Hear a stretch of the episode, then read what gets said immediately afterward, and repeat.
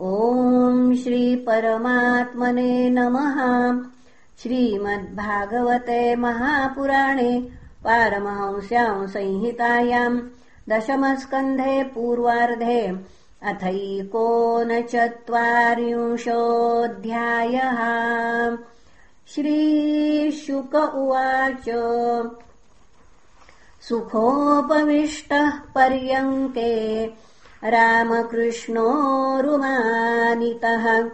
लेभे मनोरथान् सर्वान् पथियान् स चकारः किमलभ्यम् भगवति? प्रसन्ने श्रीनिकेतने। तथापि तत्परा राजन् हि वाञ्छन्ति किञ्चन। सायन्तनाशनम् कृत्वा भगवान् देवकीसुतः सुहृत्सु पुनः सुहृत्सु वृत्तम् कंसस्य पप्रच्छान्यचिकीर्षितम्। श्रीभगवान उवाच तात सौम्यागतः कच्चित्। स्वागतम् भद्रमस्तु वः अपि स्वज्ञातिबन्धूनामनमीवमनामयम् किन्नु नः कुशलम् पृच्छे एधमाने कुलामये कंसे मातुलनाम्न्यङ्ग स्वानाम् नस्तत्प्रजासु च अहो अस्मद्भूरि पित्रोर्वृजिनमार्ययोः यद्धेतोः पुत्रमरणम्। तद्धे पुनः। यद्धेतोः पुत्रमरणम्। यद्धेतोर्बन्धनम् तयोः।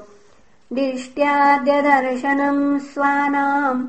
मह्यम् वः सौम्यकाङ्क्षितम् सञ्जातम् वर्ण्यताम् तात।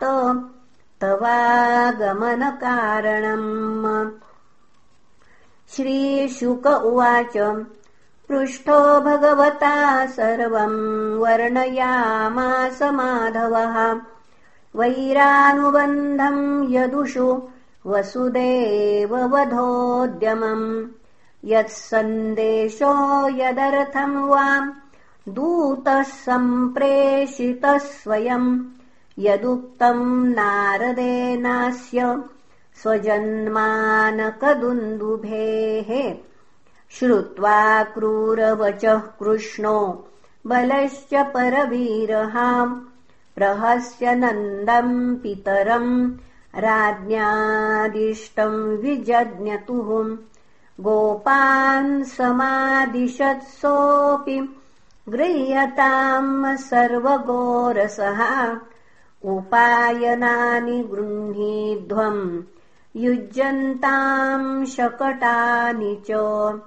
यास्यामश्वो मधुपुरी दास्यामो नृपतेरसान्। द्रक्ष्यामः सुमहत्पर्व यान्ति जानपदाः किल। एवमाघोषयत्क्षत्रा नन्दगोपस्वगोकुले गोप्यस्तास्तदुपश्रुत्य बभूवुर्व्यथिता भृशम्। रामकृष्णौ पुरीम् नेतुमक्रूरम् व्रजमागतम्। काश्चित्तत्कृतहृत्ताप श्वास म्लानमुखश्रियः स्रंसद्दुकूलवलयकेशग्रन्थश्च काश्चन अन्याश्च तदनुध्यान निवृत्ताशेषवृत्तयः। नाभ्यजानन्निमम् लोकमात्मलोकम् गता इव।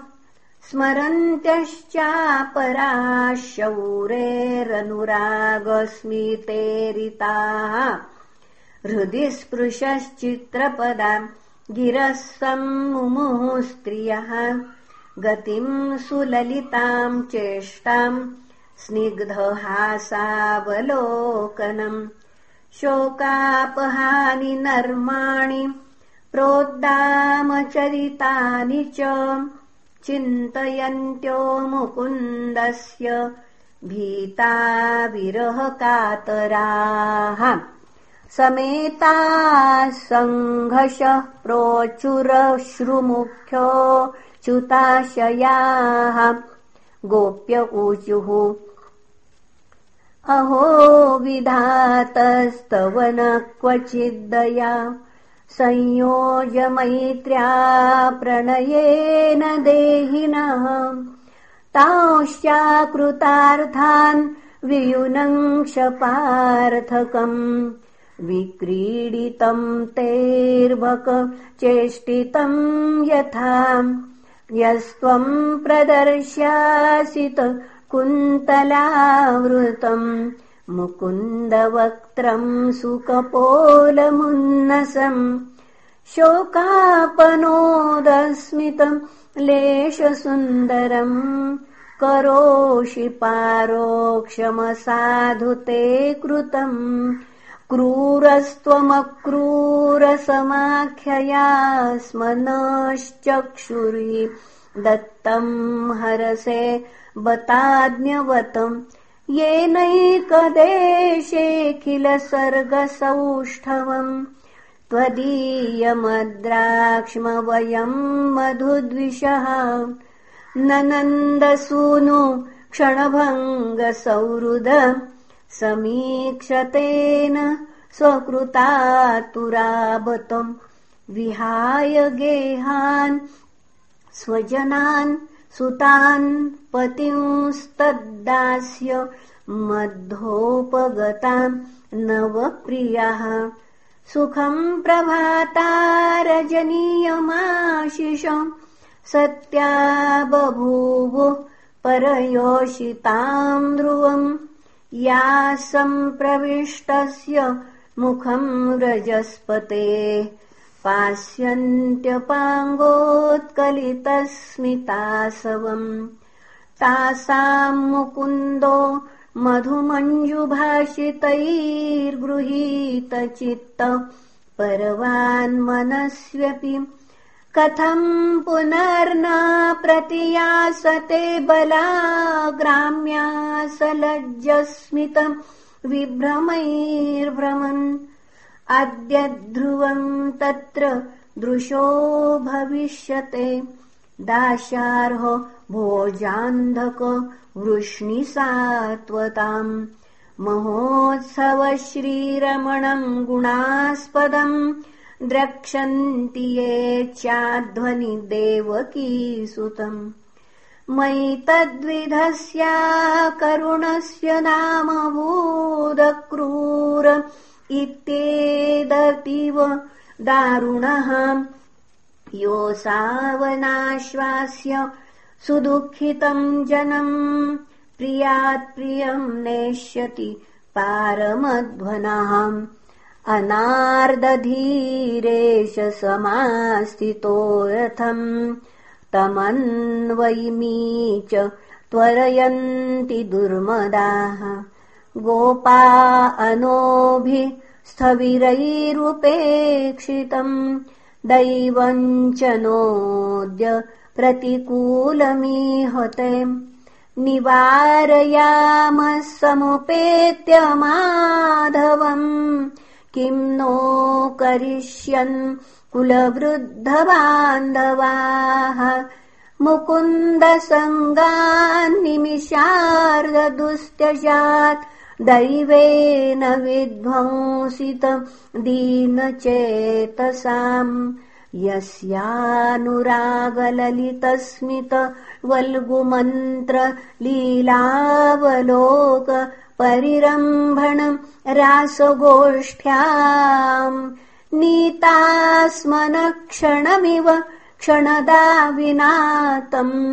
गोप्यः कथम् न्वतितरेम तमोदुरन्तम् यो न क्षये व्रजमनन्तसखः परीतो गोपैर्विशन्खुरजक्षुरितालकस्रक् वेणुम् क्वणन् स्मितकटाक्षनिरीक्षणेन चित्तम् क्षिणोत्यमुमृतेनु कथम् भवेम? श्रीशुक उवाच एवम् ब्रुवाणा विरहातुराभृशम् व्रजस्त्रियः कृष्णविषक्तमानसाः विसृज्य लज्जाम् रुरुदु स्म दुःस्वरम् गोविन्द दामोदर माधवेति गोविन्द दामोदर माधवेति गोविन्द दामोदर माधवेति गोविन्द दामोदर माधवेति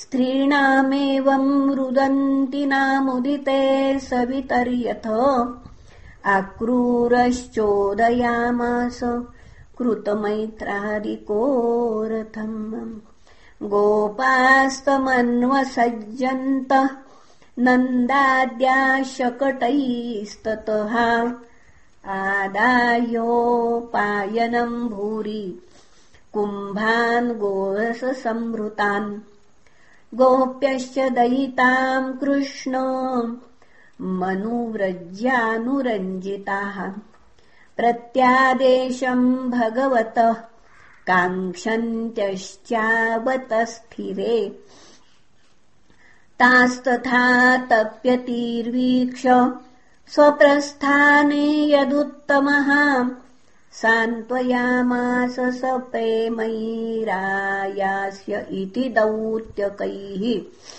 यावदालक्ष्यते केतुर्यावद्रेणुरथस्य च अनुप्रस्थापितात्मानो लेख्यानीवोपलक्षिताः ता निराशानिववृत्तुर्गोविन्दविनिवर्तने विशोका अहनीनिन्युर्गायन्त्य प्रियचेष्टितम्।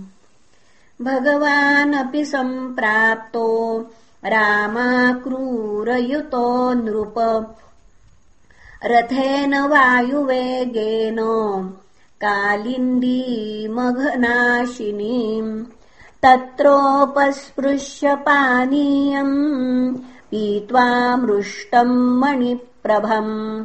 वृक्षषण्डमुपव्रज्य स रामो रथमाविशत्।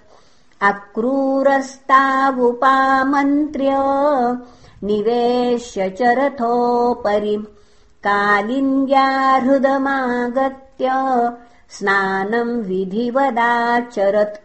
निमज्य तस्मिन् सलिले जपन् ब्रह्म सनातनम् तावेव ददृशे क्रूरो।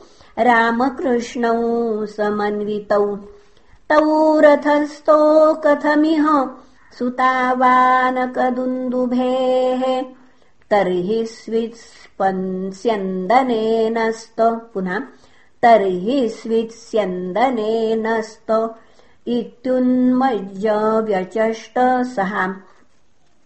तत्रापि च यथा पूर्व मासीनौ पुनरेव सः। न्यमज्जद्दर्शनम् यन्मे मृषा किम् सलिले तयोः भूयस्तत्रापि सोद्राक्षीत् स्तूयमानमहेश्वरम्। सिद्धचारणगन्धर्वैरसुरैर्नतकन्धरैः। सहस्रशिरसम् देवम् सहस्रफणमौलिनम् नीलाम्बरम् विसश्वेतम्। पुनः नीलाम्बरम् विसश्वेतम् शृङ्गैश्वेतमिव स्थितम्। तस्योत्सङ्गे घनश्यामम् पीतकौशेयवाससम्। पुरुषम् चतुर्भुजम् शान्तम् पद्मपत्रारुणे क्षणम् चारुप्रसन्नवदनम् चारुहासनिरीक्षणम्। सुभृन्नसम् चारुकर्णम् सुकपोलारुणाधरम्। प्रलम्बपीवरभुजम् तुङ्गांसोरस्थलश्रियम्। कम्बुकण्ठम् निम्ननाभिम् वलिमतपल्लवोदरम्। बृहत्कटितटश्रोणि करभोरुद्वयान्वितम् चारुजानुयुगम् चारुजङ्घायुगलसंयुतम् तुङ्गगुल्फारुणनखव्रात दीधितिभिर्वृतम् नवाङ्गुल्यङ्गुष्ठदलैर्विलसत् पादपङ्कजम् सुमहार्हमणिव्रात किरीटकटकाङ्गदैः कटिसूत्रब्रह्मसूत्र हारनूपुरकुण्डलैः भ्राजमानम् पद्मकरम् शङ्खचक्रगदाधरम् श्रीवत्सवक्षसम् भ्राजत् कौस्तुभम् वनमालिनीम्।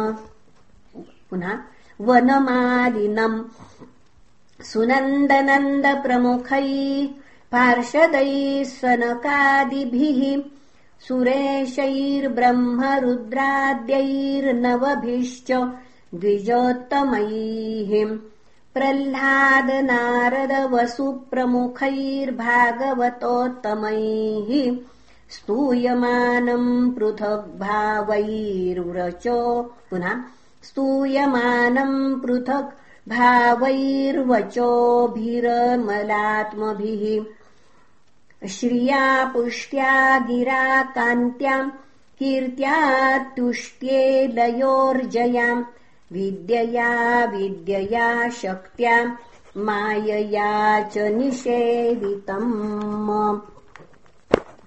विलोक्य सुभृशम् प्रीतो भक्त्या परमया युतः हृष्यत्तनुरुहो भाव क्लिन्नात्मलोचनः। पुनः हृष्यत्तनूरहो भाव परिक्लिन्नात्मलोचनः गिरागदगदया स्तौषीत् सत्त्वमालम्ब्य सात्वतः प्रणम्य मूर्ध्नावहित कृताञ्जलिपुटः शनैः इति श्रीमद्भागवते महापुराणे पारमांस्याम् संहितायाम् दशमस्कन्धे पूर्वार्धे अक्रूरप्रतियाने एकोनचत्वार पुनः एकोनचत्वारिंशोऽध्यायः। श्रीकृष्णार्पणमस्तु। हरये नमः हरये नमः हरये नमः ॐ श्रीपरमात्मने नमः